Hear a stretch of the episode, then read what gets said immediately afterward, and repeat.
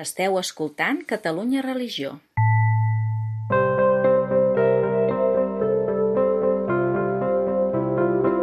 Avui us portem un assaig que ens planteja un repte global.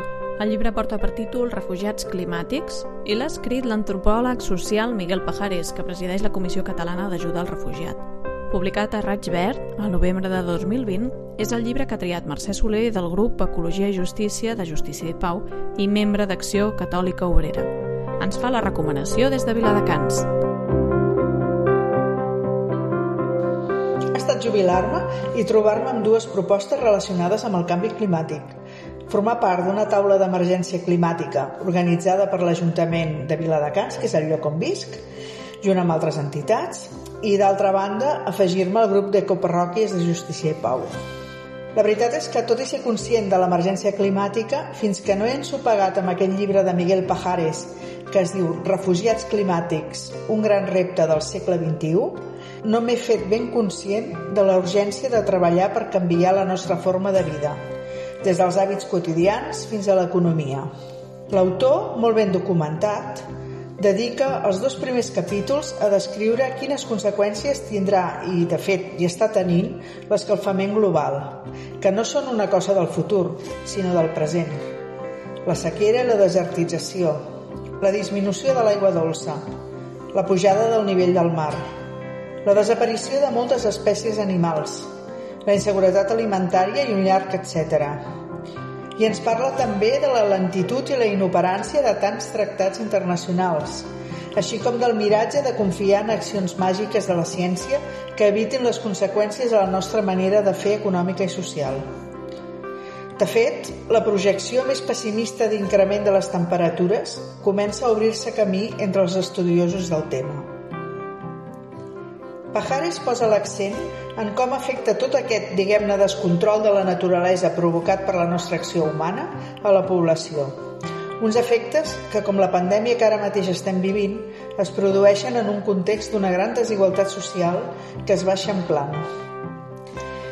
Ja avui, de forma explícita o no, l'escalfament del planeta està provocant grans desplaçaments, de vegades és molt evident que es produeixen per causa del clima.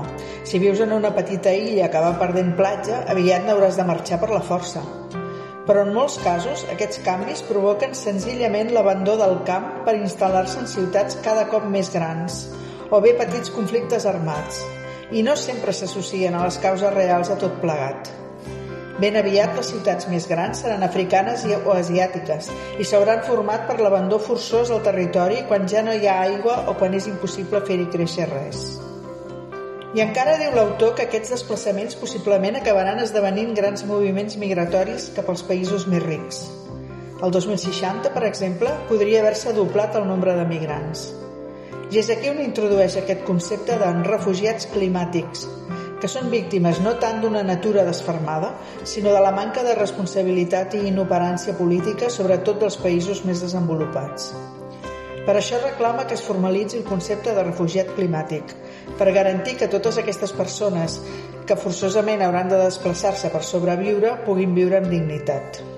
De fet, és important això, perquè en l'actual actitud de xenofòbia, de recel i de tancament respecte a immigrants i refugiats s'està provocant la mort de milers de persones arreu del món. Si preveiem que les causes de migració s'incrementaran, caldrà ser conscients que també aquí caldrà treballar-hi i molt. Amb tot l'autor deixa espai per l'esperança. Som a temps d'evitar moltes destrosses, però hem de ser conscients que ens cal anar més enllà de separar correctament els residus que sí, que això s'ha de fer, això de separar els residus, però segurament faran falta moltes altres mesures poc simpàtiques i amb conseqüències doloroses per a nosaltres. I ell en proposa unes quantes. Pajares no es limita, doncs, a la queixa o a profetitzar tots els mals del món. M'ha semblat, doncs, un llibre que posa l'accent en els dos reptes que al meu parer són els més importants a què el món sencer ens enfrontem, l'emergència climàtica i l'acollida dels immigrants. Us el recomano. Catalunya Religió